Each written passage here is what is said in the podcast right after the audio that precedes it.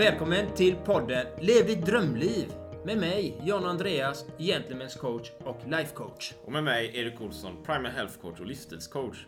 Vi samtalar om livsfrågor, optimal hälsa och äkta rörelseglädje. Vill du veta mer om oss så finns vi på sociala medier samt gentlemanscoach.com Samt på twostrongarms.se. Då var vi här igen då Erik på Flexkontoret, för det var vi inte. För det här är faktiskt via Zoom idag har vi ett podcastavsnitt. Jajamän, då var vi här igen då med ett helt nytt spännande podcastavsnitt med Lev ditt drömliv. Och idag har vi en fantastiskt spännande gäst som jag känner lite extra, extra spännande då, i och med att det har med eh, kosthållning att göra och liknande så här, va, vilket jag själv eh, brinner för. Så vi har Bitten Jonsson och vi har till och med en bok här som vi kan hålla upp lite snyggt så.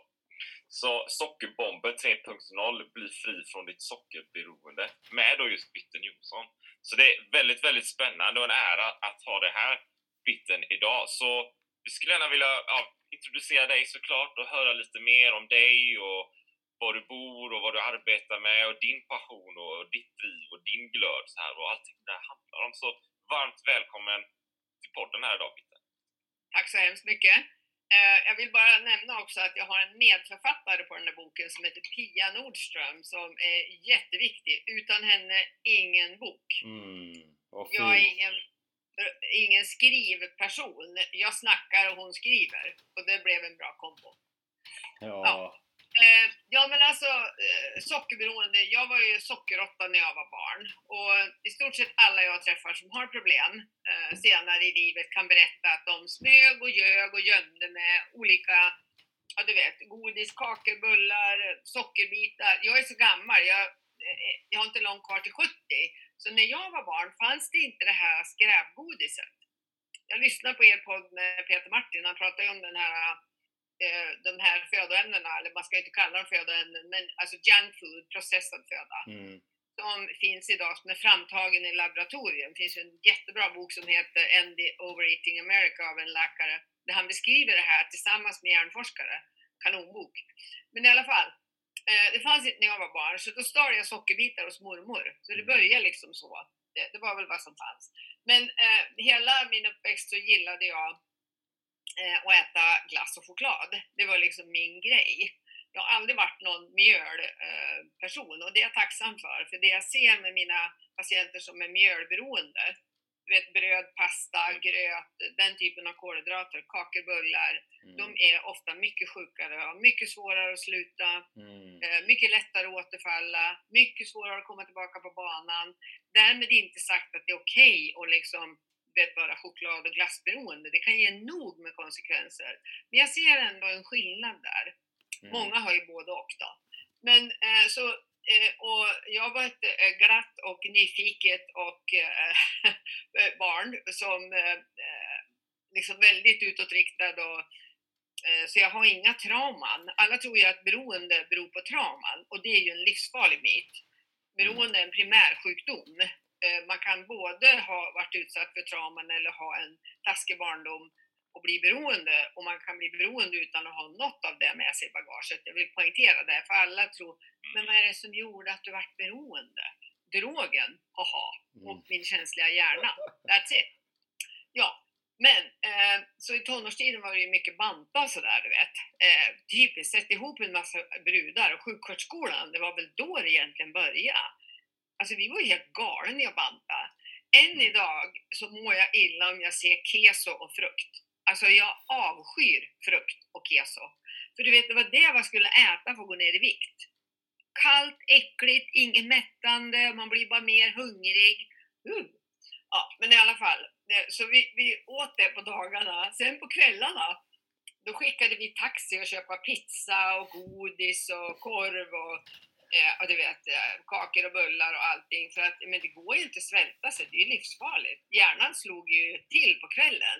Mm. Och så sa vi så här, ja, men det är bara ikväll, imorgon börjar vi om. Alltså det klassiska. Så Ja. där höll vi ju på alltså. Jag var aldrig jättetjock, men jag gick väl upp kanske 5-7 kilo hit och dit och så skulle man alltid banta då. Den ena galnare dieten efter den andra. Eh, Men så var det någon som sa så här, men vet du om man röker, då eh, så får man mindre aptit, då äter man mindre och så går man ner i vikt. Så jag minns, vi var ett gäng sjuksköterskeelever som satte oss där på elevhemmet och så övade vi på att röka. Och det lustiga var ju det att några liksom kräktes ju och mådde illa och klarade inte av det. Men några av oss, och dit hörde jag, blev beroende direkt. Oj. Idag vet jag att socker är the gateway drug som leder till i stort sett alla andra utlopp. Mm. Eh, och det är den första drogen du exponeras till när du är barn. Men det är ingen som ger sina småbarn cigaretter och- eller kokain eller alkohol. Men eh, processad föda får ju barn. Alltså man petar ju ungar så vansinnigt mycket skit så det är kriminellt i stort sett. Mm.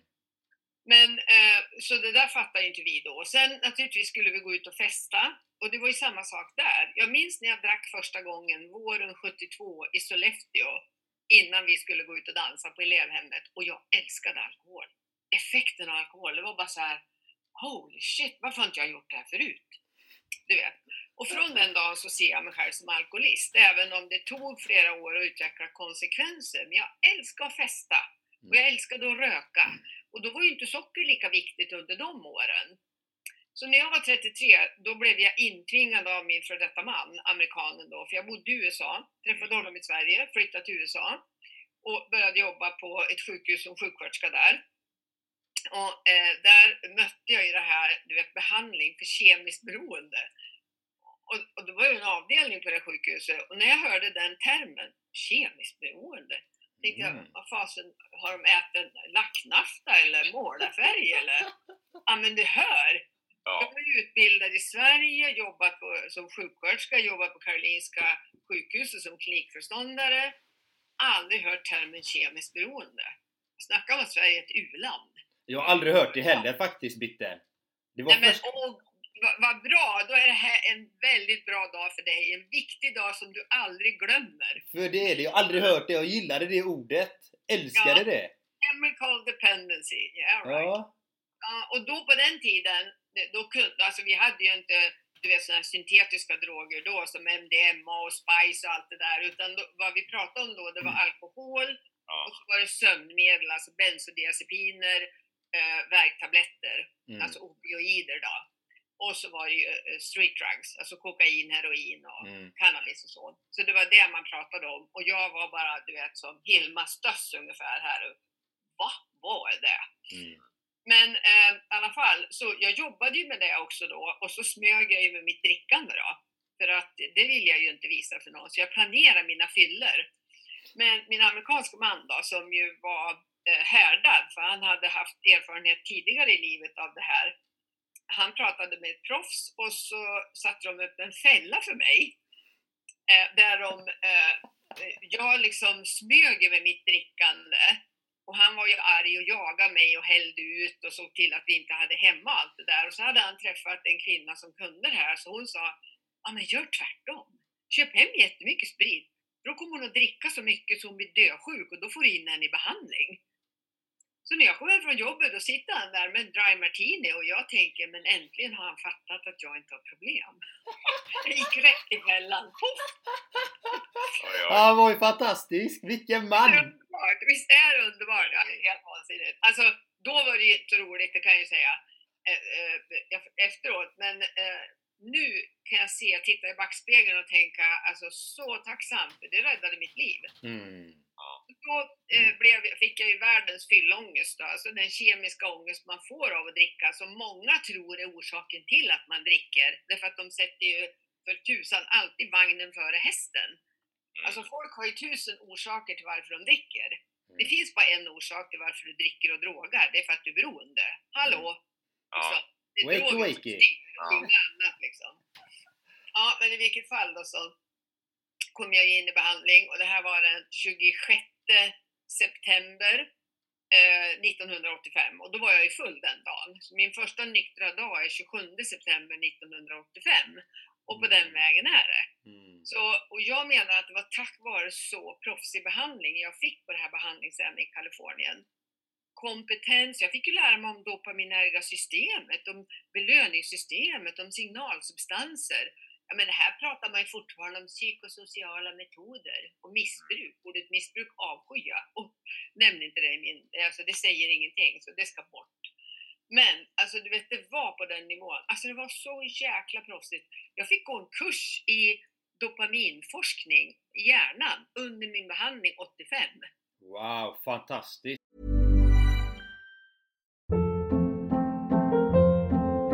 Hold up. What was that? Boring. No flavor. That was as bad as those leftovers you ate all week. Kiki Palmer here, and it's time to say hello to something fresh and guilt-free. Hello Fresh. Jazz up dinner with pecan-crusted chicken or garlic butter shrimp scampi. Now that's music to my mouth. Hello Fresh. Let's get this dinner party started. Discover all the delicious possibilities at hellofresh.com.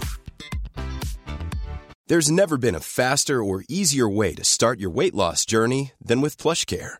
PlushCare accepts most insurance plans and gives you online access to board-certified physicians who can prescribe FDA-approved weight loss medications like Wigovi and Zepbound for those who qualify. Take charge of your health and speak with a board-certified physician about a weight loss plan that's right for you.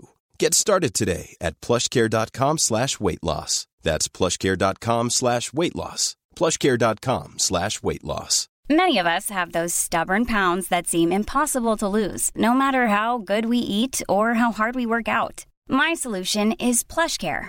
PlushCare is a leading telehealth provider with doctors who are there for you day and night to partner with you in your weight loss journey. They can prescribe FDA-approved weight loss medications like Wagovi and Zepbound for those who qualify. Plus, they accept most insurance plans. To get started, visit plushcare.com slash weight loss. That's plushcare.com slash weight loss. Dag. Mm. Ah, ja, men i alla fall. Eh, så det var ju alltså Dynamite. Och det var då jag blev så... Du pratade om passion, vad är min passion? Och då ska jag säga att jag blev totalt 100% förälskad i det som heter addiction medicine. Alltså beroendemedicin. Ja. Mm. Och bestämde mig under min behandling och efteråt, jag vill inte gå tillbaka och jobba som sjuk, traditionell sjuksköterska, jag vill jobba med det här. Och på den vägen är det. Sen har jag då ägnat jättemycket tid åt att fortsätta utbilda mig, åka till USA, mer kurser, eh, lyssnat på folk som kan det här eh, och det är så det har gått till. Så Mm. resten är historia kan man säga. Förutom då att på den tiden så var ju vi nyktra alkoholister jätteduktiga om vi bara slutade dricka eller ta, inte tog någon knark. Mm. För det var ju ingen som pratade om kosten. Nej. Alltså, ja, ät vad du vill ungefär. Och som Peter Martin sa, eh, sjuksköterskor har heller ingen eh, utbildning i näringslära. vad sa han, fem och en halv timme för Mm. läkare eller tolv och en halv Ja, timme? 12 och en halv ja, precis. Alltså det är skandal. För det, det, första frågan man ska ställa vid alla symptom hos en patient är, vad äter du? Precis. Det är det jag gör alltså. Ja. Eh, Men i alla fall, så vi hade ingenting. Så jag fortsatte att röka och dricka kaffe och tyckte väl att ja, men i, idag är jag sugen på att äta bara bacon eller idag vill jag äta bara glass eller nu vill jag äta bara choklad eller ingen tyckte det var konstigt. Inte det minsta konstigt. Eh, utan vi var ju så glada att vi var nykter liksom. Ja. När jag hade varit nykter i sju år, då jobbade jag med beroendebehandling här i Sverige. Jag hade flyttat tillbaka hem då. Hit, ja, och så eh, skulle det vara en kurs i återfall med Terence Gorski, som då är världens ledande återfallspreventionsexpert och behandlare. Eh, och, och jag tänkte så här, ja men den kursen ska jag ju gå. Eller det var två dagar bara i Dalarna. Så jag åkte dit i snöstorm minns jag. Helt otroligt. Men jag måste ju gå den kursen för att hjälpa de människor jag jobbar med. För ingen, alla liksom pratade illa om det vi kallade Minnesota-modellen. Ingen kan ju bli frisk från sitt beroende på fyra veckor. Men de fattar ju inte att fyra veckor är bara starten på en livslång behandling. Mm. Det är så svårt att få in det i medvetandet här i Sverige. Precis. Och sen att det är en sjukdom är ju ännu svårare eftersom det är socialtjänsten som tillhandahåller behandling, vilket jag tycker är helt fel. Det ska ju vara sjukvården naturligtvis, fast det ska inte vara traditionell sjukvård som pillrar folk hela tiden. Du vet, one meal, one pill som Peter säger. Absolut, det ska vara beroendeexperter som kan behandla utan läkemedel. För det är Mm. det vi utbildade i USA då, vi som är det. Men i alla fall, så då lyssnar jag på Terry Gorski. Och då säger han så här att det var en studie då, eh, en grupp nyktra alkoholister, de fick eh, hjälp att sluta röka, dra ner på kaffe eller sluta med kaffe och så fick de lära sig om näringslära. Mm. Det här är alltså 1992 här i Sverige då. Mm. Eh, och den gruppen, de var alltså nyktra och i tillfrisknande. 86% i den gruppen var nyktra och tillfrisknande efter två år. Ja. Och en grupp som bara fick sluta dricka och inga andra kostråd eller hälso och livsstil eller någonting. Där var bara 28% nyktra. Mm. Och då tänker jag så här, holy smoke, jag vill inte återfalla. Så jag ska fasen sluta röka och sluta dricka kaffe och liksom, men så tänkte jag så här, ja men han sa ju att det handlar om junk food, jag äter ju aldrig junk food. Ja. Junk food, det var bara McDonalds i min värld. Så lite kunde jag. Mm. Och McDonalds gillar jag inte, för jag är ju ingen bröd, jag tycker inte om brödet och visst kan väl äta en hamburgare, men vill inte ha gegget. Mm. Så då tyckte jag att jag var jätteduktig och inte speciellt förtjust i pommes frites heller. Så, så det var ju liksom inte min grej då. Så jag behöver ju inte ändra kosten tänkte jag. sure babe. Ja. Så när jag slutade röka och slutade dricka kaffe, ni kan ju tänka er vad som hände. Ja, det gick ju alltså kanske en månad så hade jag ju chokladsås hit. Mm. Alltså, då först. Det var först då. Eh, det här var sommaren, eh, våren 93 började jag fatta kraften i socker. Ja. Så den cravingen var djävulsk. Och sen det här att det är ju, ingen annan förstår ju det här. Alla, vadå, det är väl bara att ta lite liksom. Och, men det är väl inte så farligt. Om det var så farligt skulle det inte finnas överallt. Och, du vet, exponeringen är ju hur djävul som helst. Det finns Mm. överallt. Mm. Gå in på Statoil, vad har du där? Eh, eh, godis på en gång, nybakat. Alltså det är bara helt grymt hur industrin pressar den här typen av föda på oss. Du kan ju inte gå någonstans. Nej. Och alla ska fira med tårta och kakor och godis och allt. Så att, eh, alltså det var ju helt vidrigt. Och då jobbade jag med en amerikanska och så sa jag det till henne alltså. Jag fattar inte, så jag. Jag slutar dricka. Inga problem. Alltså du klipper bara. Och så får du lära, dig, alltså inga problem ska jag inte säga, men alltså du behöver ju inte exponera dig för alkohol eller drogen. Samma med rökning. Du behöver ju inte vara uppe i det, du behöver inte ha det hemma. Men maten, du måste ju äta flera gånger om dagen. Och då sa jag till henne, jag fattar inte hur jag kunde sluta med cigaretter och alkohol, men jag kan inte sluta med choklad och glass. Vad är fel på mig? Då glömmer jag aldrig, då sa hon så här, well, you know, you might be a food addict. Det var första gången jag hörde det ordet. Food addict? Det är klart att man inte kan vara matberoende, tänker ju, alltså jag omvandlar det till mat, food, mat. Ja. Eh, för på den tiden förstod vi inte liksom vad är den psykoaktiva ingrediensen i mat. Jag menar, det är ju ingen som ko- hetsäter koktorsk brukar jag säga. Ja. Eller gurka liksom, det är inte det det handlar om. Nej. Jag hörde Peter nämna också highly palatable foods, ja, precis. or hedonic foods säger man Mm. också. Processad mat då. Så, eh, och då så säger hon så här, well you know, I know the people working with that in Chicago. Då sa jag så här, okej, I'll go there. så då åkte jag över till Chicago och så fick jag både utbildning och hjälp själv. Så det var så det började för mig hösten 93. Så det var då jag började tillfriskna från mitt food addiction som jag senare kallar sugar addiction och, eller carb addiction eller det som blir Ja. eller whatever. Ehm, eh, jag gillar ju ordet sugar addiction av den anledningen att om du säger till folk liksom att du är flour addict, du vet mjölberoende, så det, det kan inte folk koppla, att mjöl är socker. Mm. Ja. Men alla kan inse att de har problem med godis. Eh, Så då, jaha, ja, jo men det äter jag nog för mycket ibland. Och, och då kan man liksom öppna dörren in till det här området genom att säga sugar. Mm. Så det är därför vi säger det. Fast det betyder ju, alla kolhydrater han pratade om, potatis, ris, dyt, dyt. Alltså det är ju carb load vi tittar på. Men vi använder sweets eller sugar som Mm. kodord då. Ja, så det var så det började. Och, och då började min resa med det då. Och sen har ju det varit en snart 27 år lång resa.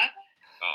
Eh, Ja. Och, och alltså det tycker jag ju är den mest fascinerande delen av allt det här. Och jag håller med en författare som jag, vars bok jag läste för många, många år sedan.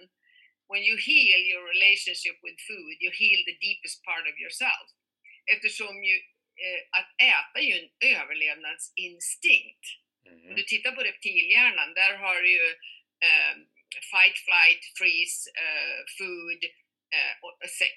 Alltså att överleva, fortplantning, föda, flykt och försvar. Eh, och, så att äta är ju en djup instinkt för överlevnad. Mm. Alltså det är ju djupare än sex. Du kan vara utan sex, men du måste äta annars dör du. Mm. Det är ju jätteviktigt med näring.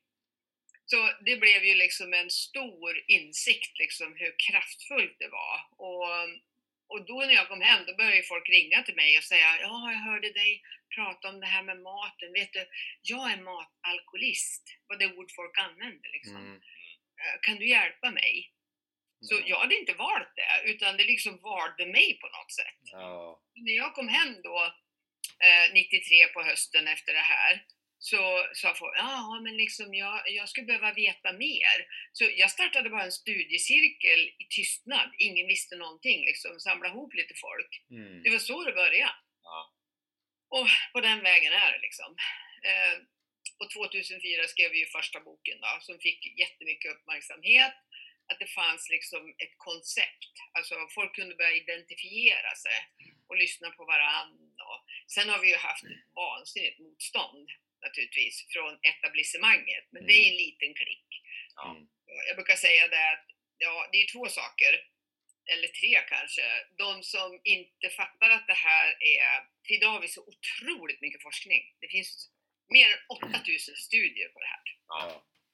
Eh, det finns så mycket böcker om du vill läsa, så att påstå att det inte finns någon forskning, då liksom är du tillhör jorden en plattföreningen eller också har du bott under en sten eller någonting. Så, det, det är liksom bara att säga, wap. Alltså, jag argumenterar inte med sådana. Nej. Det waste of breath, brukar jag säga. Eller också kan de inte läsa engelska, brukar jag säga också till de som frågar. Och då blir ju professor ditten dutten förbannad förstås, men det Mm. tycker jag, det bjuder jag på. Det ska man bjuda på. Jag håller Ja, med. jag menar det. Ja, jag menar det. Ja, det där var en lång introduktion till varför jag jobbar med det jag jobbar med. Men alltså, har man Mm. sett människor som är fångade i det här helvetet, i Mm. den här äh, kontrollförlusten, du vet, alltså att jag gör det fast jag inte vill. Och jag har själv känt det där. Mm. Suget, alltså besattheten, alltså jag bara måste ha det. Ja. Och jag vet att jag blir sjuk om jag äter det. Mm. Och ändå gör jag det, gång på gång. Mm.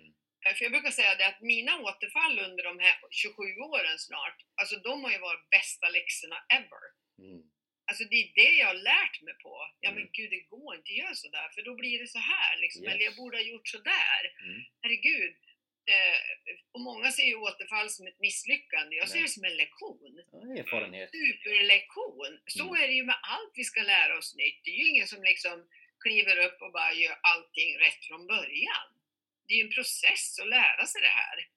Och, och sen är det ju inte så enkelt heller. Jag menar, alkoholism är mycket enklare. Är du alkoholist och vi har diagnostiserat det med Ja. de verktyg vi har, ja, men bort med alkohol forever. Men det Mm. finns ingen annan väg. Vi vet det idag. Forskningen har bevisat det hundra gånger. Du kan inte dricka socialt om du är alkoholberoende. Nej.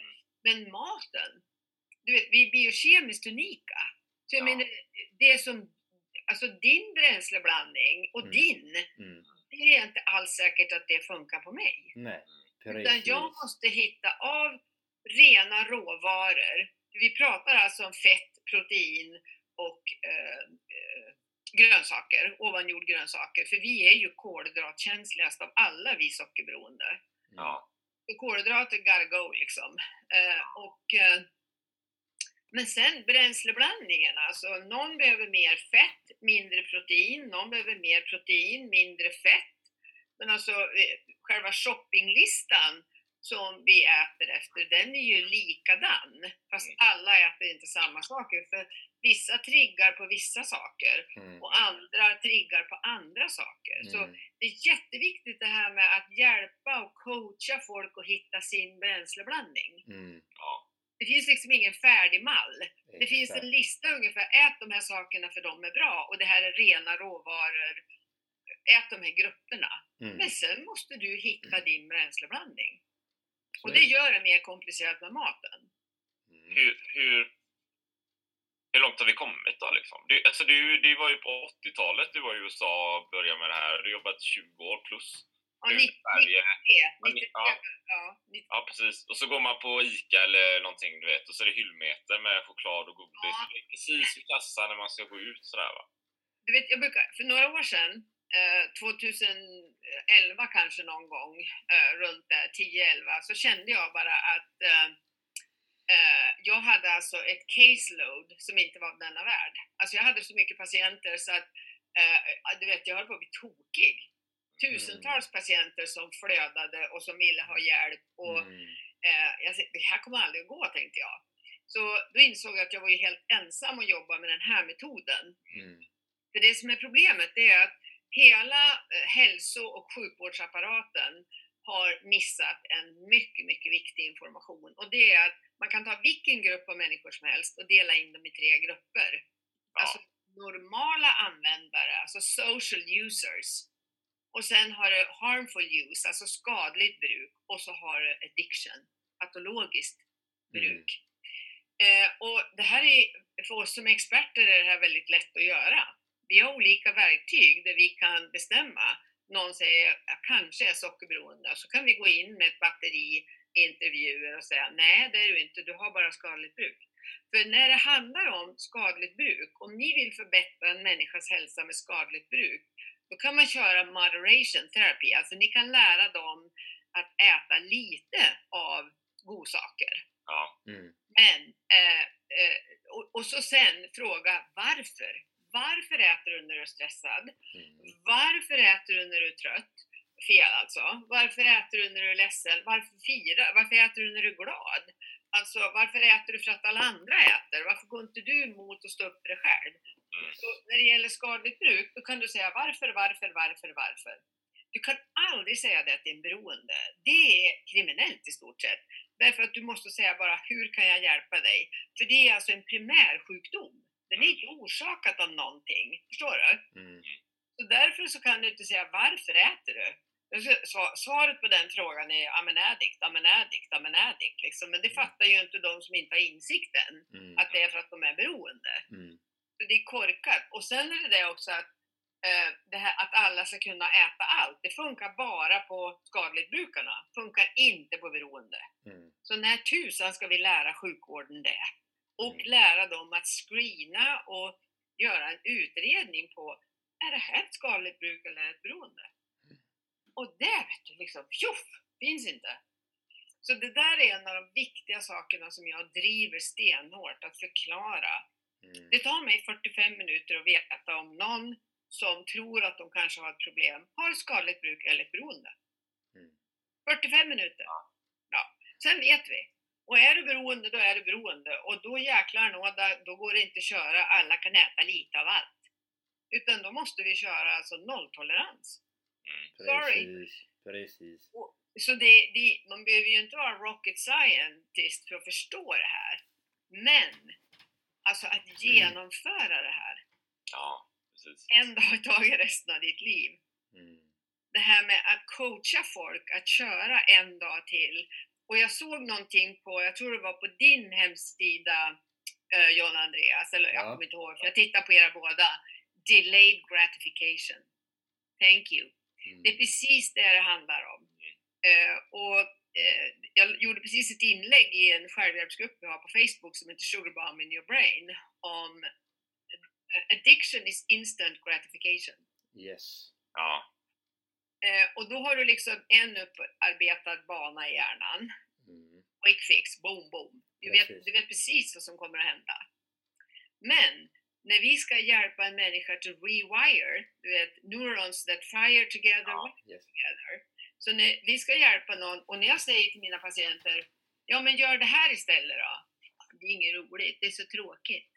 Jag tackar fasen för det, du är ju ingen synapskoppling för det. Ja. Exakt. Det är klart att det är tråkigt. Precis. Det säger jag. Du måste göra det här varenda dag, massor Yes. med gånger innan det blir roligt. Yes. Innan du får eh, gratification, belöning. Precis så är det. Där, det är det som är tricket. Att, och, och de här, alltså addicts har inget, alltså eftersom prefrontala cortex med alla dess funktioner Mm. är det som tar stryk först och mest addicts, så har ju inte de något tålamod. För Nej. där sitter tålamodet. Ja. Så du har ingen bana för det, så du måste få dem att göra det de tycker är jättetråkigt, vidrigt, blä, uh, så måste du få dem att göra det Mm. varje dag, igen och igen, igen och igen, tills de Mm. kommer och säger så här, du, det känns ganska kul att göra det där nu för Ja, tiden. Woho! det är så fint. Ja. Eh, du vet, I love it. Så so, insta, addiction is instant gratification och du vet vad du får för resultat när du äter drogen. Mm. Vi håller oss till maten då, det gäller ju alla beroenden. Men Precis. sen när du ska starta ett nytt liv så är allting skittråkigt. Mm. Och liksom, åh, stön, pust, vad än är liksom. Precis. Laga mat, åh gud vad tråkigt. Ja. Eller, ja du vet, ta en promenad, uh. Och så säger man bara, I don't care, just do it. Precis. Massive action är det man får göra. Det är Ja, det. Det är det Exactly. enda. Do or die säger vi, do or die. Precis. Det är precis det här det handlar om och det är därför tror jag som liksom så många som jobbar med det här eh, de tycker det känns för jobbigt eller för auktoritärt att säga det här till patienterna. Men jag tycker det är så ärligt att säga, du, jag är ledsen men du har faktiskt utvecklat ett beroende. Det här kommer att döda dig om inte du ändrar din livsstil. Om inte, och jag kommer att ge dig verktygen. Men vet du vad? Du kan få karta, kompass av mig och vandringssällskap, men du måste gå själv. Yes. Du måste gå själv. Det finns ingen annan väg. Nej. Det Nej. är så fint. Det är det här som är tricket liksom, när man jobbar med beroende människor. Och också det här att det är för alltid. Mm. Och det kan inte, alltså patienter kan inte ta in det. Du vet Nej. när man inte har några kopplingar och hjärnan inte funkar i början så alltså, får jag aldrig mer äta det eller Alltså, det, det, alltså de bara knäcks av det. Ja. Ja. Och då säger vi sen, nej nej, vet du vad? Det är bara idag. Det är Ja. bara Ja. vi tränar dem att tänka så här att eh, förr när jag bantade, när jag var ung då, då tänkte man ju så här, ja ah, shit, så vart man bjuden på någonting och så tog man det. Och då tänkte man så här, ja ah, shoot, nu har jag ju sabbat bandet här ett tag. Ja, eh, men då är det lika bra att jag äter nu och så börjar jag på måndag eller efter Ja. semestern eller du vet, hela tiden det där sjuka Ja. tänket. Så det där har jag använt fast tvärtom i mitt eget tillfrisknande. Så varje morgon så säger jag, alltså om min, jag kallar min sjukdom för röda hund. Det är en Ja. liten, ja, obnoxious treåring liksom. Och så säger den liksom att, eh, men du, skulle det inte vara kul idag när det är så tråkigt väder? Ska vi inte liksom äta lite godis? Vi kan äta lite choklad. Du har varit Ja. duktig så länge. Den viskar sådär förföriskt. Eh, och i början var jag ju livrädd och tänkte, åh, nu måste jag kämpa med det här. Åh, gud vad ska jag göra liksom? Eh, för det är kraftfullt när den där besattheten kommer. Mm. Ja, men sen så lärde jag mig liksom att, aha, och då säger jag bara så här, ja, gud, vilken smart idé. Det låter skitkul säger jag. Men vet du vad, vi ska inte göra det idag. Vi gör det imorgon. Precis! Och så då går ju eh, hönsken och lägger sig i korgen liksom. Och eh, sen är det ju då ganska eh, otroligt om jag har sug igen dagen efter, för det där är ju bara kortvarigt. Ja. Och då kan ju hunden vara borta jättelänge och kommer den tillbaka så säger jag så här, åh gud vilken bra idé att äta choklad. Men vet du vad, vi gör det inte idag. Idag har vi inte tid, idag ska vi annat, så vi gör det imorgon. Precis. Så på så sätt så alltså, smygändrar jag mitt beteende. Förstår du? Baby steps. Japp. Och mitt sätt att tänka när det här negativa gamla spökena kommer tillbaka. Samma om det kommer liksom negativa tankar eller negativa känslor. Och så, Nej men det har inte jag tid med nu. Utan nu ska vi göra det här. Och så tar vi det där sen. Så, och då menar jag bara såna här gamla programmeringar från beroendetiden. Jag menar alltså, äkta känslor är ju utvecklande. Alltså då pratar jag med vänner eller någon om jag är ledsen eller ja, någonting av det. Så det är inte det jag pratar om utan det är de här automatiska negativa tankarna som är liksom, du vet, fast i det här beroendetänket. Mm. Jag kommer aldrig att klara det här. Jag kommer aldrig att och elände, elände och aldrig... Så det- det är de jag säger, ja men det har vi inte tid att hålla på med idag, eh, utan nu ska vi göra det här. Mm. Och så gör man någonting då.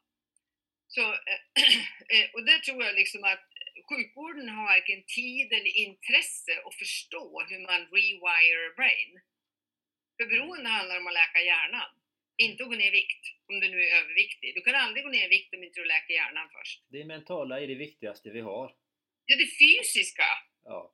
Ja. fysisk hjärnkoppling som skapar det mentala. Jag tänker så här ofta att eh, vi förstår inte det här att fysiskt och psykiskt, det, är ingen skillnad, det hör ihop. Om du har en taskig koppling i hjärnan så mår du ju psykiskt dåligt. Alltså du Exakt. kan förändra det genom att göra en frisk koppling också. Alltså vi måste, och där har du ju näringen. Om inte Precis. du ger bränsle till den här geléklumpen, fettklumpen, Mm. så kommer du ju inte att ha, kunna skapa bra tankar, bra beteenden, bra tjänster och så vidare. Så, men det börjar ju där hur vi än vänder på det. Yes. Det Ja. håller jag med om. Jag, jag, jag tänkte så här också att hur kan det liksom eh, exemplifieras ett skadligt beteende eller ett beroende? För det finns ju så många olika sätt och det finns ju så här man kan överäta mjölmat eller socker eller bullar eller godis. Men det kan också vara kaffe. Så här. Jag tänkte så här, vi dricker ju, vad är det, 9 kilo kaffe per person om eh, året någonting. Tre koppar om dagen snitt liksom. De är, det är ju så mycket allting hela tiden. Och det finns ju säkert någon koppling där. Vi, och, och som Peter Martin pratar om också. Så att det är ju svårt att säga någon att du, du ska inte äta det här när vi lever i någon slags beroendesamhälle. Jag menar alltså, eh, vi lever i ett beroendesamhälle men alla är inte beroende. För Ja. de måste hålla isär skadligt bruk och beroende. Skadligt bruk är liksom, och beroende är eh, långväga kusiner om man säger. Så skadligt bruk, det är när du gör för mycket av saker eller gör fel saker, ofta för att alla andra gör det eller för att det finns tillgängligt eller för att du är ledsen eller trött eller vad tusan det är. Alltså något som inte du dealar med på något annat sätt. Eh, och så kan du ju få negativt, du kan gå upp i vikt, du kan få diabetes och där, du kan få migrän, du kan få olika konsekvenser av det. Men du har inte den kontrollförlusten som en beroende har. Eh, och det här instrumentet då som jag har jobbat fram under åren som heter Sugar, som är 67 frågor. Det är där vi skiljer agnarna från vetet. Det är det jag säger, det tar 45 minuter att gå igenom det. Och då får ju man ju svart på vitt om man har ett skadligt bruk eller ett beroende. Och sen kan man då så att säga få råd hur man agerar utifrån det. Men alltså, eh, jag brukar ju, jag sa så här till en person jag pratade med häromdagen, en kollega i, i, i USA. Eh, alltså under tiden jag hjälper en människa kommer det hundra nya. Det är så det känns, därför att så här var det ju inte då på den tiden när jag klev in i och jobbade med det här. Alltså vi hade inte skärmar på det här sättet. Vi levde inte i en addictive society som vi gör idag. Mm. Så, eh, alltså, fler och fler kommer ju att bli beroende. Mm. Det blir ju liksom, och, och tittar man nu på det här med covid-19 då, så ser ni ju vilka är riskgrupperna? Ja, Ja, sagt precis. är riskgrupperna? Ja, Mm. det är ju överviktiga, rökare, högt blodtryck. Mm. Alltså det är ju det här, alltså beroendebild under. Mm. Alltså att man äter fel, röker och sen alkohol. Eh, WHO gick ut och sa det. Att eh, en hög alkoholkonsumtion ökar risken att du blir mycket sjukare. Så då man uppmanade alla länder att sänka konsumtionen. Eh, jag säger det till svenskarna där alkoholen är helig i stort sett. Den är ju kul. Mm. Ja, För det är som i, i, ja, som i den coachen jag har som primal health coach. Så här, när, när jag börjar peta i frukostmaten. Det är inte lätt. Den är nej, nej, nej. inte liksom. Nej, nej, just det. Jag brukar säga så här, ja, ja men så jag brukar säga när jag tittar på frukosten, jaha, eh, du eh, kickstartar in, bukspottkörteln med insulin på morgonen. Eh, då får du jaga flygplanet hela dagen istället för att du flyger planet. Ja, ja. Så du måste hela tiden fylla på för att få blodsockersvängningar. Det tycker inte folk om att höra. Nej, det det. Hur, hur, får jag ställa en fråga Bitte? Hur, hur ser du på fasta? Okej, och det funkar jättebra för många, men inte för beroende. Eftersom de har en mycket känsligare hjärna. Så eh, vi pratar om time restricted eating för beroende, men inte fasta flera dagar i sträck. Det funkar inte på en beroende. För vad som händer då, det är att hjärnan går bärsärkagång, så du återfaller. Mm. Alltså du får sånt djävulskt kolhydratsug så Mm. att du kan inte stå emot. Mm. För det är ju en fysisk grej i hjärnan, det har ju inte Ja. med vilja att göra. Nej. Utan eh, det är ju mera en, vad ska jag säga, fysiologisk kraft, urkraft då, som kommer. Mm. Så det jag ser bland mina patienter som har ett beroende är att när de fastar eh, så blir de besatta och, och sen till slut tappar de taget och så börjar de äta. Men Mm. en som har skadligt bruk eller socialt bruk så är det ju absolut en hälsofaktor. Mm. Mm. Det är inga problem att göra. Ryan Reynolds here from Mint Mobile.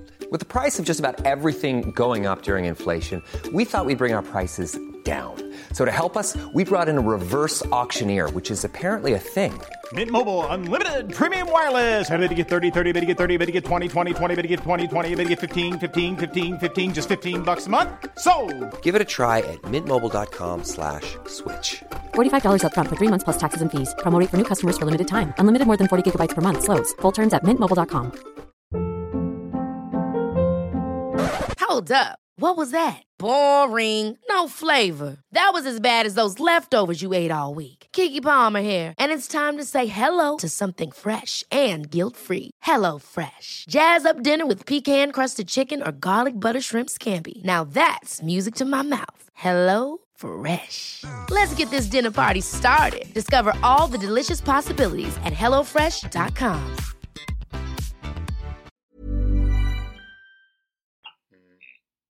intressant. Ja, så man måste veta, alltså folk säger fasta bra, då brukar jag säga för vem? Vem pratar vi om? Vilken grupp pratar vi om? Precis. Och jag menar, eh, eh, mina patienter också, de kan ju inte äta keto-desserter och ketobröd och allt som är liksom substitut. Ja. tittar ju de på. Mm. Ja, så att de blir ju helt besatta av det. Mm.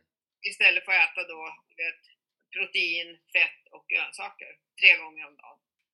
Så då- det är väldigt noga. Det är samma när man pratar om kosttillskott eh, för eh, sockerberoende. Eh, många tror ju att mer är bättre. Jag var ju sån för också. Mina vänner brukar skoja och säga om en är bra är 40 bättre, brukar mitten tycka. kan man ta ett kosttillskott så tar man ju fem istället. Det har alltid liksom varit så förut. Men jag har ju lärt mig med åren att det är tvärtom med sockerberoende. Du ska ta så få saker som möjligt och så köra det i en kur och sen byter du.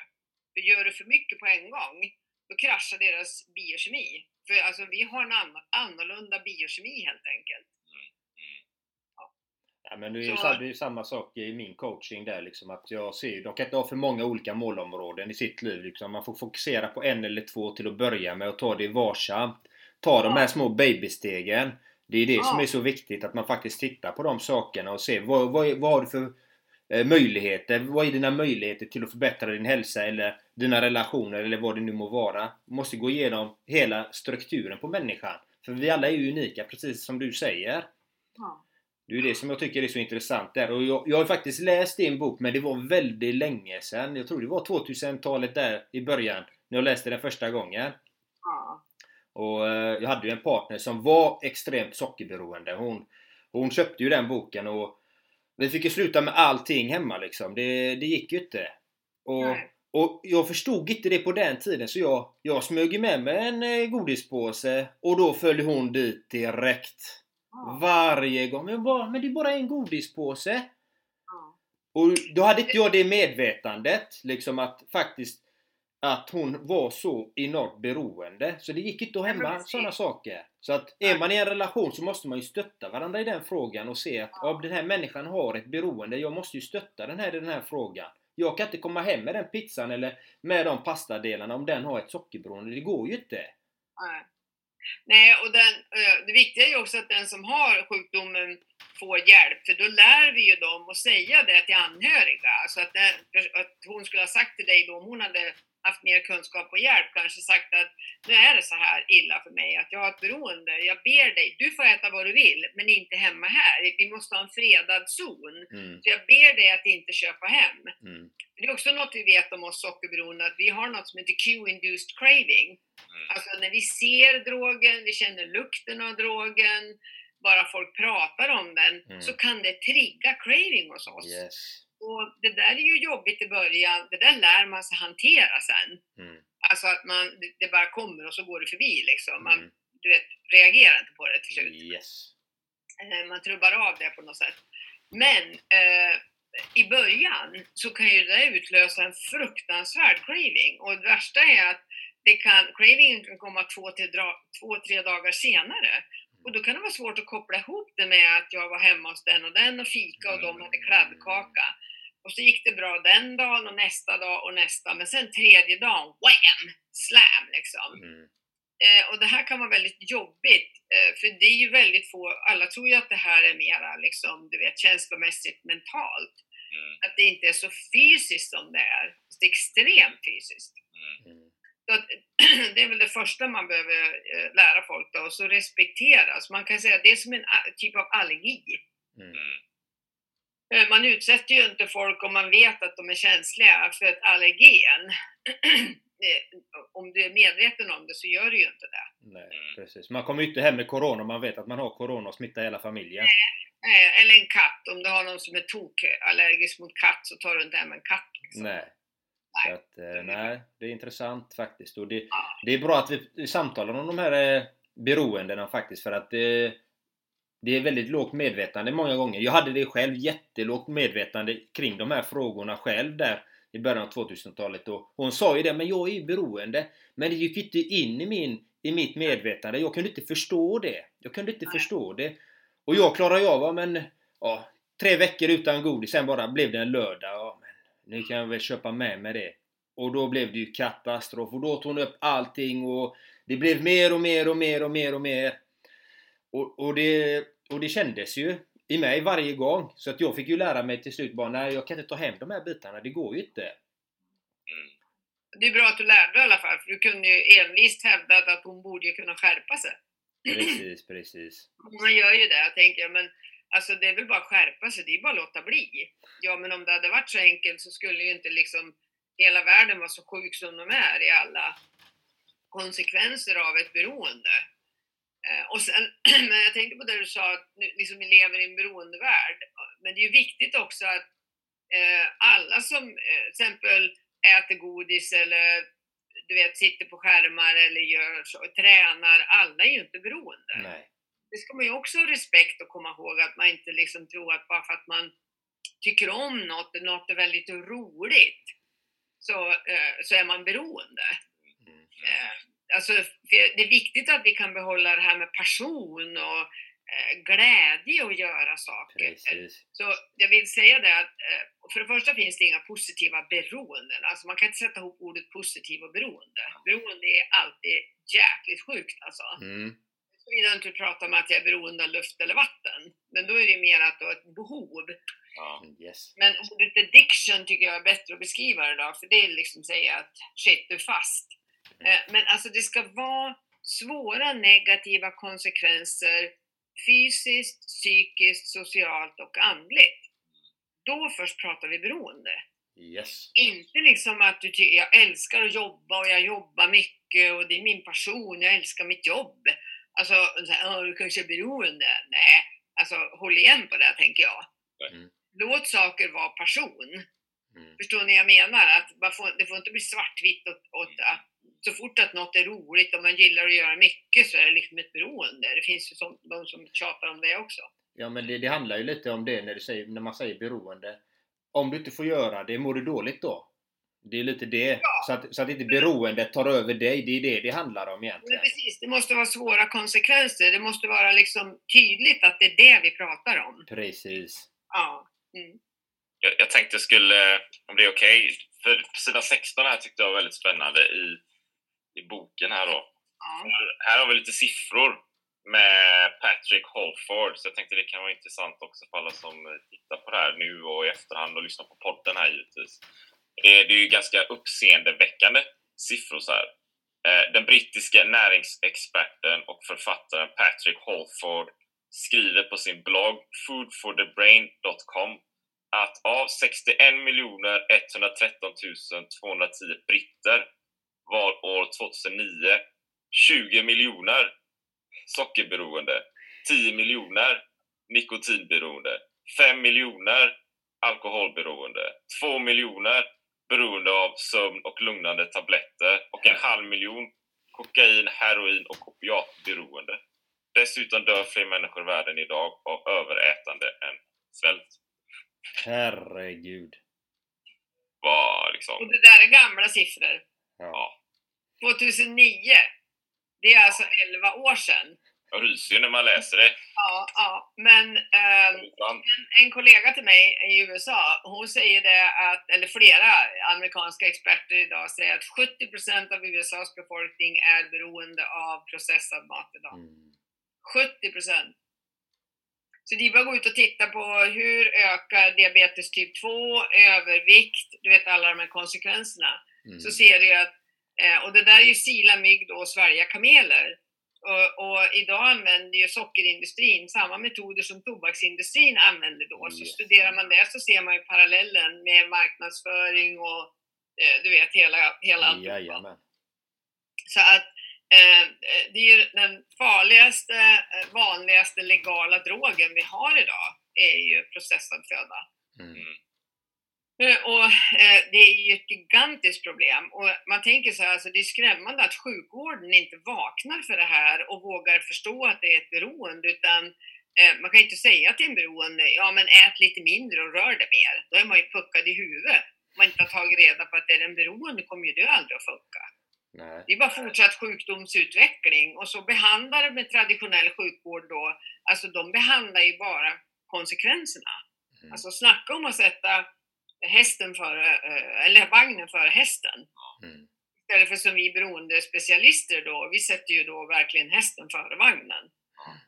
Vad kom först liksom? Och när vi gör de här sugar eh, utredningarna då, för att se om någon är beroende eller har skadligt bruk, då ser vi att de allra flesta har första symptomen på beroende vid fem års ålder. Mm. Fyra, fem, sex års ålder kommer, du vet det här, de vill ha mer, smyger med det, med tidiga tecknen Mm. kommer då. Hur, eh, jag är nyfiken så här, eh, va- varför ger vi barn så mycket godis? Och så? Var, var kommer det ifrån? Lördagsgodis och så här? Eller, för jag tycker jag ser det ju ofta överallt så där. Det är lördagsgodis och det är kanske på vardagar och liksom bara, sen växer man upp då kanske och, och tar något slags eget ansvar och inte, inte får det matat på något sätt liksom. Jag vet inte, men det känns som vi ger barn mer av någon anledning. Ja, alltså varför vi gör det, det är ju ett kulturellt, eh, en kulturell sak idag. Sen tror jag att många föräldrar älskar ju effekten av att äta det här också. Mm. Vill man ge sina barn något som man tror är bra, alltså Mm. mysigt och gott och belöning och bla bla bla liksom. Fredagsmys. Ja visst, eh, absolut. Och, det finns ju så in, eh, i vår kultur. Fira med godis och läsk och kakor och bullar och tårtor eh, Alltså det är så otroligt och ibland undrar jag liksom hur har industrin lyckats hjärntvätta föräldrar till det? Ja. Det är ju för att vi själva äter det här. Vi har ju också fredagsmys och lördagsmys och du vet, hela den här kulturen av att mysa med någonting, äta allt det här istället för att göra saker, den är ju totalt, vi är ju helt dränkta i det. Yes. Alltså gå, in, gå hem till folk och ifrågasätta. Gå hem på middag till folk och säga jag vill inte ha vin. Mm. Och jag vill inte äta efterrätt. Prova det får ni se. Ja, jag, provar det ibland. Ja, Ändå då, då. härligt, härligt. Ja, det är det som händer. De, nu är det ju accepterat. Ja, det jag, jag är ganska stark karaktär så det är inga problem. Jag säger ni får göra precis vad ni vill. Men det är väl inte jag har in i mitt system helt enkelt bara. Ja, Och ni ser ju vem som är lyckligast, du eller jag. ja. Kaxpelle. Ja, Ja, roligt. Ja men det är, ju, det är ju liksom så att vi har ju de här beroende. Jag vet ju själv när jag var liten, jag älskade ju godis. Och, jag, Mm. och, jag, och det är en craving i det. Jag är, inte, jag, är inte, jag är inte beroende av det men på den när jag var liten så blev jag beroende. Då, nu när jag tänker tillbaka, då, då stal jag pengar för att gå och köpa godis. Och det blev ett sånt beroende. Men då minns jag att godispåsarna var så små när man fyllde i. De var, py- de var pyttesmå! Och de, Ja. de har växt med åren hela tiden. Snart har vi en, gigantisk 10 liter säck när vi går i affären och ska köpa godis. Ja, det är så. Ja, precis. Så du får liksom en sån här piri-piri för att ta hem det. Ja, och, och det, det, det som jag har märkt är ju med marknadsföringen. Den har ju blivit så enorm och påsarna, allting blir ju så enormt så mycket större. Kolla på läskflaskorna. Ja, alltså det är helt Vi otroligt. fick dela en sån här liten vanlig läskflaska. Vi var ju många syskon, så vi fick dela den när vi var barn. Då stod vi med linjal. Inte fick en millimeter mer. Nej men alltså, eh, det är så inbyggt i vår kultur och sen är det ju det att vi vet inte liksom vem, om barn då får, nu fick du, nu kunde du äta mycket godis men det, eh, beroendet utvecklades inte i dig. Eh, det, det, vi pratar ju om arv, medel, miljö. Alltså det var ju då faktorer där som gjorde att inte din hjärna blev beroende. Precis. Det vet, du kan ju aldrig veta vilket barn som har det. Förstår du? du kan, det finns liksom inget sätt att testa att ja, men om vi ger lilla Pelle lite godis då blir han beroende. Men det är okej att ge lilla Stina. Det är ju omöjligt. Men man kan ju säga så här att ju mer vi ger desto större är ju chansen att det utvecklas till ett beroende Yes. och blir då enormt allvarliga konsekvenser. Och sen, jag tänker också på, jag menar förr hade vi ju liksom bara vanligt strösocker. Idag har du high fructose corn syrup. You know, värstingsocker liksom, som är otroligt snabbt eh, beroendeframkallande. Och det, vi vet ju det inom beroendevärlden att ju snabbare någonting, eh, kroppen, ju snabbare kroppen tar upp det och reagerar, desto större chans att det blir snabbt beroende. Så att, eh, det är ju gjort så. Alltså det är ju tillverkat så och man har det i allting då. Och eh, om man tittar på USA då som har jättestora problem. Jag tror, skulle tro att åtminstone 45 procent eller kanske 50 till och med idag skulle vara beroende i Sverige om vi skulle gå ut och testa. Men eh, där, det, en stor skillnad den är att vi inte har high fructose corn syrup i läsk, vilket de har då. Eh, och läsk är ju otroligt farligt alltså. Så eh, jag menar bara där skulle man ju vinna mycket om man tog bort läsken. Hur ser du på sötningsmedel? Sukralos och aspartam och alla de här bitarna? Gift! Mm. Poison! Gift! Mm. Ja. Aga- agavesirap. Ja, nej, men det är ju fruktos. Det är ju, Vill du ha fettlever ska du äta mycket agavesirap tycker jag. Ja, bra. Bra är bra. tips. Tycker jag med. Ja, visst ja, tycker jag också. Ja. Eh, nej men alltså, för det är också ett sätt för, för industrin då att vidmakthålla att saker ska vara sött. Mm. Förstår du? Då, till slut, ja men jag tar bara sötningsmedel, ja hej du. Eh, och det här är bra och det är dåligt och blä blä blä. Men alltså då ska allting smaka sött hela tiden. Så då, då eh, har du ju kvar den här söt, alltså för jag menar när man, om man, eh, när man tar bort allt socker, det man slås av det är ju att lök är sött. Lök är inte sött för en som äter en massa socker. De tycker inte att lök är sött. Men förstår du? Jag, alltså naturlig sötma i saker och ting. Mm. Det känner du inte för det bedövar allting. Så du vill bara ha mer och mer söta saker. Ju mer socker du äter desto mer vill du ha. Ja. Det är gjort så. Det tyckte jag när jag, när jag, när jag började köra med paleo och primal och så här och tog bort ganska många saker. Det var som att efter en tid så var som smaklökarna liksom började förändras. Jag uppskattar nyanserna på ett annat sätt. Va? Precis. Och, då, och då blir det också som ett, aha, men vänta nu, jag har grönsaksdisken då på butiken. Wow, liksom. Det finns ju Ja. hur helst, jag har inte provat någonting. En banan så här, det finns ju så mycket mer. Bär, Och, ja, grönkål, woho! Ja, grönkål eller ja, massa sådana här tokigheter. Liksom. Det är bara prova? Eller, eller ja, men jag ska fisk. Det finns olika fisklistor. Jag kan prova det. Eller inlagd och i ugnen. Det blir mycket mer eh, kreativt. Ja, gud ja. Absolut. Och så börjar du använda kryddor på ett annat sätt. Det är Ja, ja, ja. Krydda liksom. som en galning. Ja, visst. Så att det blir ju jättegott till slut. Mm. Kul. Ja. ja vi, löser, vi löser inte det här problemet, men eh, vi kan, eh, som jag brukar säga, put a dent in it. Vi Ja, kan ja. skaka om lite. Mm. Eh, och jag tycker ändå att folk är mer medvetna idag och inte lika kanske rädda för det här och ändå, eller egentligen, det finns ju vissa som är liksom, som de aldrig, jag undrar, tänker så här, men vart har du funnits de sista 20 åren. För de, va? Är fett okej liksom? Mm. Va? Hur kan man ha missat det? Har de aldrig läst en dagstidning eller? Mm. Ja, det. Men, ja, men man blir förvånad ibland faktiskt. Ja. Eh, och jag tänker USA är ju, jag var ju där och höll en kurs i höstas för patienter och, eh, eh, för, eh, och även yrkespersoner då, som gick som trainee.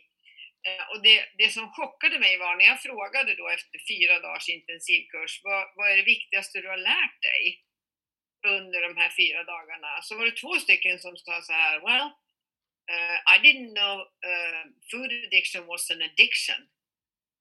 Nej, vad har man då trott att det är? Förstår du?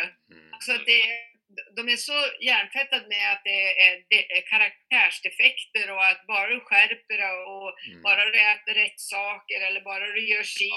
Mm. Förstår du?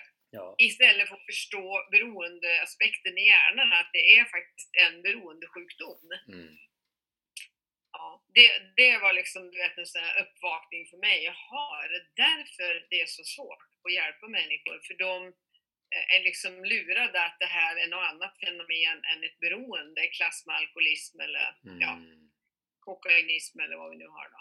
Och att det är så stort som du läste om Holford. Skillnaden där är ju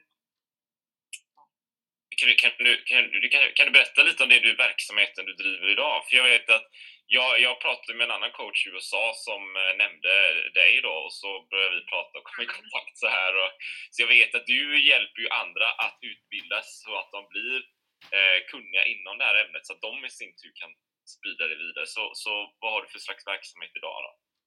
utbildning bara av yrkespersoner då. För det var ju det jag insåg eh, då här för några år sedan att eh, det här kommer ju aldrig att funka. Jag kan ju aldrig hjälpa alla. Mm. Utan jag måste utbilda kollegor för jag var ju liksom så ensam. Mm. Så då började jag 2012 tror jag, första kursen. Holistisk eh, addiction medicin då. Eh, alltså att förstå det här med hjärnan och kosten och ja, integrativ funktionsmedicin som Peter Martin pratar om också, ortomolekylär medicin och som jag också är väldigt förtjust i och har läst på om länge då. Eh, och traditionell medicin naturligtvis använder vi oss av också. Eh, men alltså, eh, jag insåg bara att vi måste bli fler. Det går ju liksom inte annars. Så då började jag utbilda det. Så sen har jag ju utvecklat den kursen då. Så eh, i november startade jag den första då på engelska. Det är där hon hoppade med då. Vilket är jättekul att ha henne med. Fantastiskt roligt. Så det är en helt underbar grupp. Så de är 12 stycken i den. Och sen har jag ju kört då varje år. Eh, Det är en, jag startade den nionde gruppen nu i mars. Alltså det är både, så det, man kan säga att det är då åtta eh, svenska, åttonde svenska men en engelsk då. Eh, och sen har jag utvecklat det här eh, bedömningsinstrumentet som jag berättade om. Där du kan få veta om du har ett beroende eller inte. Mm. Eh, och också då få en eh, åtgärdsplan eller behandlingsplan. Tillsammans då med en kollega i Örebro som heter Börje Dahl. Eh, och så har vi tagit fram det, så idag har vi en nätversion som funkar helt underbart. Så dels certifierar jag och licensierar då e-sugar. För det måste du vara utbildad för att få använda. Eh, Så att, jag menar, det är ju det första, jag menar, det är ju egentligen oetiskt att behandla någon om inte du vet vad du behandlar. Du måste ju ta reda på, är det skadligt bruk eller är det beroende? Och då är det ju vitt skilda saker som gäller. Precis. Sen utbilda i behandlingsmetoder då. Och, och där är det ju, tycker jag, viktigt att förstå att i det så ingår det ju otroligt många ingredienser i behandlingsmodellen. Det är liksom ingen enkel, en, ja men det här liksom, du vet, blueprint, eh, 1A4 på behandling, utan det är därför det är så spännande att de här terapeuterna, de som går nu då, de har så otroligt eh, vitt skild bakgrund som Anna har primal coach, sjuksköterskor, psykologer, näringsspecialister, vet du, alla möjliga yrkeskategorier som går det här som en spetskompetens. Att först lära sig och veta, ja men är det ett beroende eller inte? Jag själv till exempel, jag vill inte jobba med folk med skadligt bruk. Det tråkar ut mig. Ja men alltså, det är no big deal. Jag vill jobba med beroende. Så där lägger jag mitt krut. Medan då eh, andra kanske jobbar med alla grupper och alla olika hälsoaspekter, men behöver då veta varför funkar inte det här på den här personen? Yes. Aha, det var ett beroende. Det var mycket Mm. större problem än så. Mm. Och då kan man ju eh, alltså då eh, hänvisa den här till Precis. Beroendespecialister då. Precis. Istället för du vet, att klösa på is som jag kallar det, när du jobbar med en beroende som inte gör som du säger och du tänker vad, vad gör jag för fel? Mm. Men det var mycket värre än du trodde liksom. Mm. Så Nej. det är det första då. Ja. Ja, det, det är intressant för jag gör paralleller till min coaching och jag har ju haft eh, olika som varit beroende av olika saker om man säger så. Det har inte varit alltid socker, det kan ha varit eh, droger, det kan ha varit pornografi, det kan ha varit eh, Ja. datorspel, det kan ha varit precis vad som helst egentligen. Och då, då, då, måste ju analysera och se, är det ett beroende? Ja, det är ett beroende. Då måste man hänvisa det till en specialist som jobbar parallellt. För det är det det handlar om. Ju fler som jobbar... Hedrar dig. Ja, nej men det, det är jätteviktigt för att Ja. man måste ju veta vad, vad, det, är man, vad, det, är man, vad, vad det är man är till för. Det är ju, och det finns alltid... har ju så dålig stigma tycker jag. Så där tycker ju folk, liksom, vem som helst har åsikt om hur vi ska behandla det. Man förstår inte att du måste vara otroligt specialistutbildad för att verkligen lyckas behandla beroende. Mm, Utan där tycker jag det är väldigt mycket bilmekaniker som gör hjärnkirurgi om man ska vara ärlig. ja. I beroendevärlden. Alltså man tror ja men det är väl bara att säga åt dem att sluta liksom. Mm. Ja, hej du. Mm, sure. och så klösa på is tycker jag då. Ja, Ja, det, ja, fantastiskt. Jag är jätteglad att höra det, att du tar det på allvar och att du hänvisar. Ja, jag har ju egen erfarenhet eftersom med, med min eh, partner som jag hade innan som hade sockerberoende. Så man har ju... Ja. Och det jag säger, det är vä- väldigt viktigt att ha en egen erfarenhet av det faktiskt också för att kunna förstå det i grund och botten. För då, Ja. då, först, då har du en större förståelse i alla beroenden egentligen. Att ja, det är ett beroende. Ja, det finns experter i det området. Då jobbar vi parallellt med Ja. de andra målområdena samtidigt. Men det är någonting du måste ta hjälp utav av den som är specialist inom det.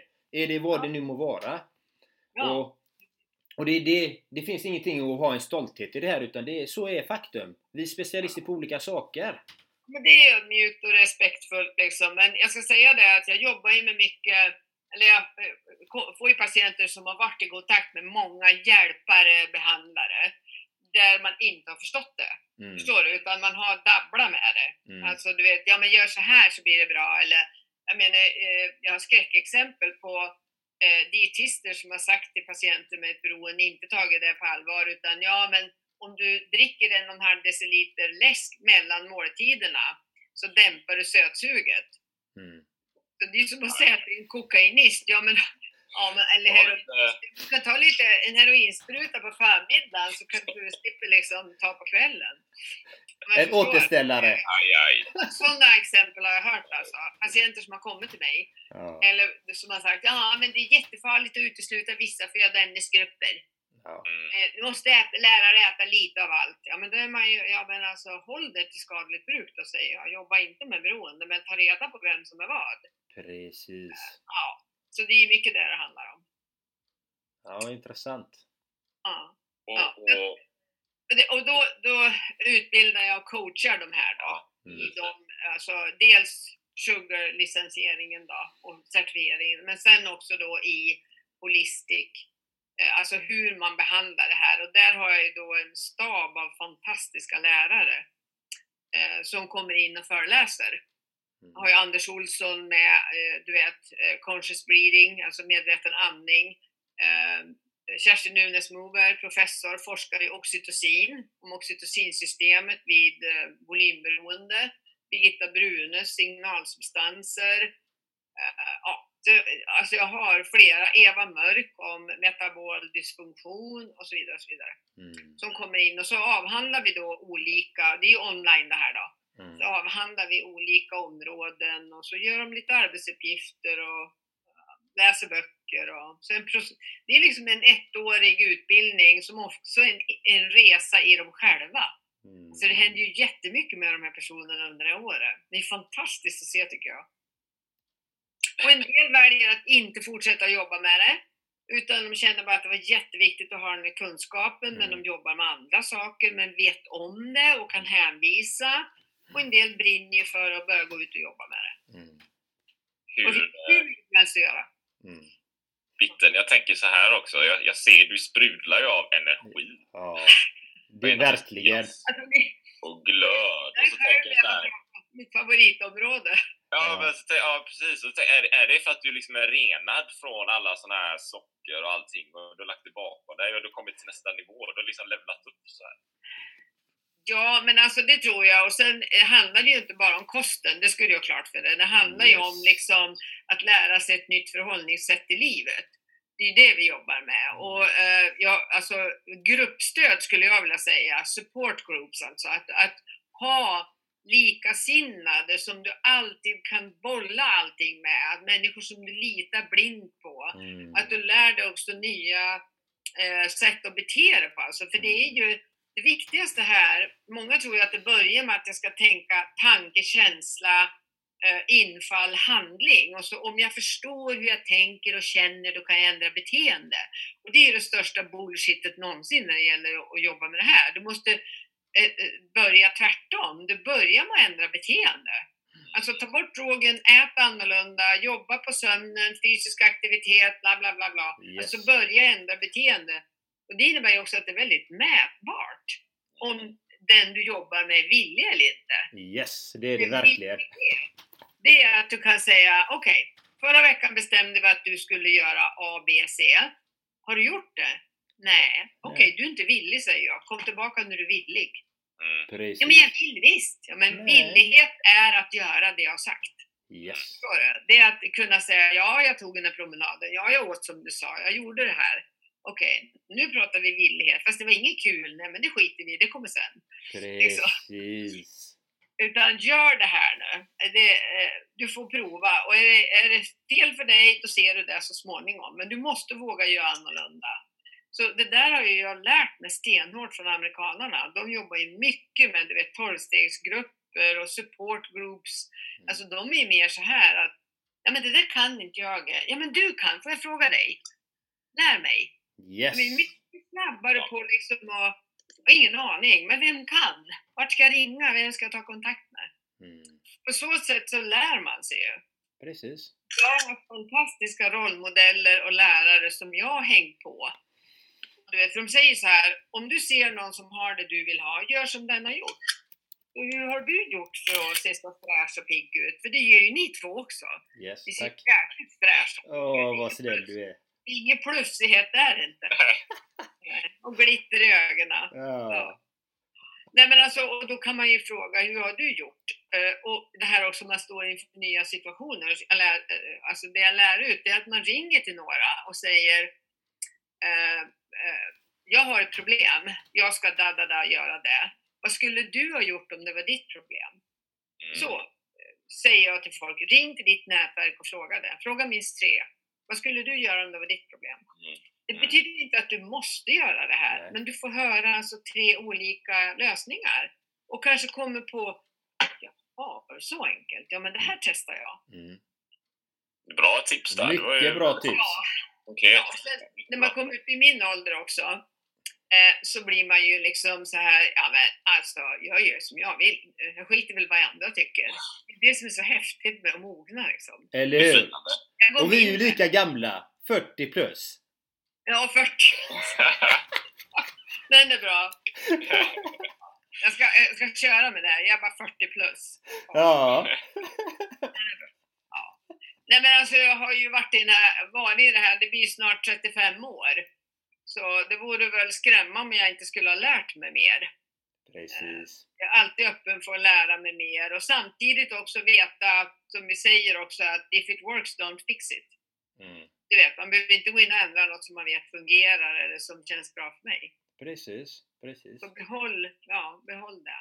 Och så har jag, har jag fantastiska vänner som lär mig hur mycket som helst.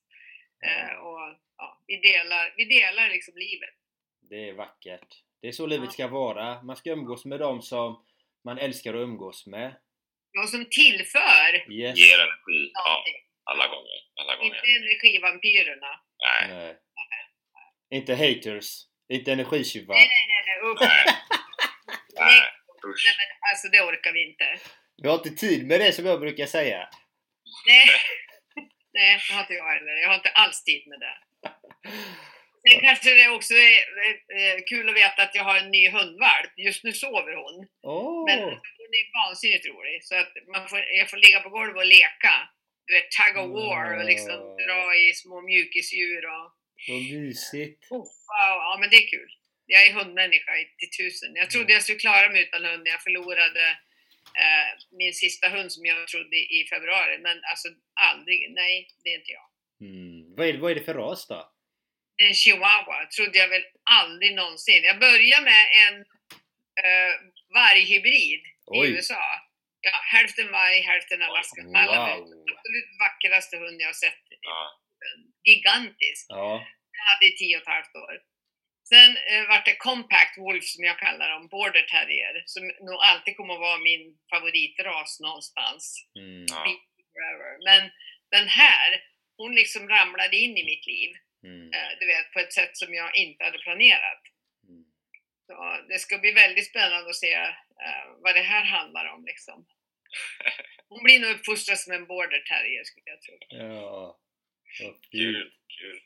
Vi har, vi har en, en avslutande fråga sådär också. Ja. till du, John Andreas, har någonting mer? Nej, jag har ingenting mer. Det har varit ett väldigt givande samtal här tycker jag. Ja men vad trevligt. Vad Ja, bra. Då får ni inte slösa bort tid då, i alla fall och sitta och Nej. nej, precis. Det har inte jag med er heller. Nej. Så det vi är nyfikna på då, det som eh, vi brukar ställa till våra prominenta podcastgäster är ju såklart Så Bitten Jonsson, lever du ditt drömliv? Absolut. Yes! Det var Nu ryser jag när jag säger det. Ja. det gör jag. Ja, så På min drömplats. Ja. eh, Uppe i Näsviken, ute på landet. Mm. Eh, Och eh, det enda, enda jag skulle önska var att det kom lite vårvärme. Om Mm. jag får önska något nu här. Mm. Man får alltid önska sig och det kommer. Ja. Den kommer komma. Nej men det gör jag. Det gör jag faktiskt. Ja. Jag gör det jag älskar att göra. Mm. Och det Både märks, privat och på fritiden. Alltså privat och i jobbet. Det märks på din energi kan jag säga. Det lyser. Tack. Det Tack. lyser. Ja, okej. Haha. Tack Ja. ska ni ha. Tack att du tog dig tid Bitten. Det var så fint att du faktiskt tog dig den här tiden och delade med dig av dina kunskaper till alla oss lyssnare och till mig och Erik också faktiskt. Tack för att jag fick göra det. Ja, tack. Verkligen. Så tack för att du var med i podden och såklart alla som, som tar del av det här. Sök gärna upp Bitten Jonsson och läs den här boken och ta del av den här kunskapen och allting vad det kan vara. Det finns fantastiskt mycket att lära, lära sig där som gör skillnad. Så tack för idag. Tackar. Ha det fint. Rädda om er. Have fun. Have fun. Yes. Ha det gott. Hej hej. Hej.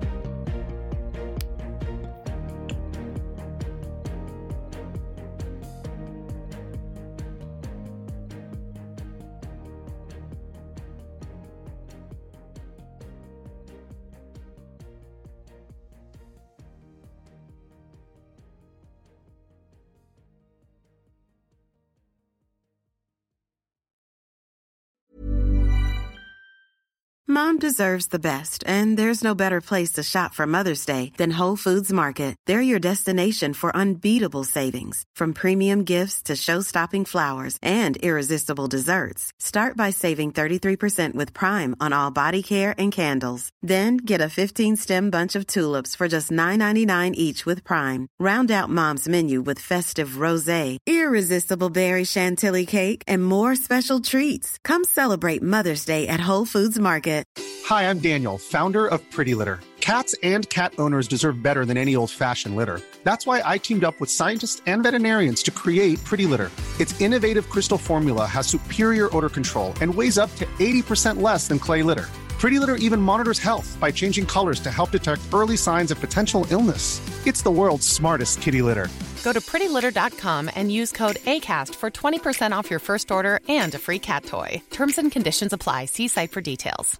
Mom deserves the best, and there's no better place to shop for Mother's Day than Whole Foods Market. They're your destination for unbeatable savings, from premium gifts to show-stopping flowers and irresistible desserts. Start by saving 33% with Prime on all body care and candles. Then get a 15-stem bunch of tulips for just $9.99 each with Prime. Round out Mom's menu with festive rosé, irresistible berry chantilly cake, and more special treats. Come celebrate Mother's Day at Whole Foods Market.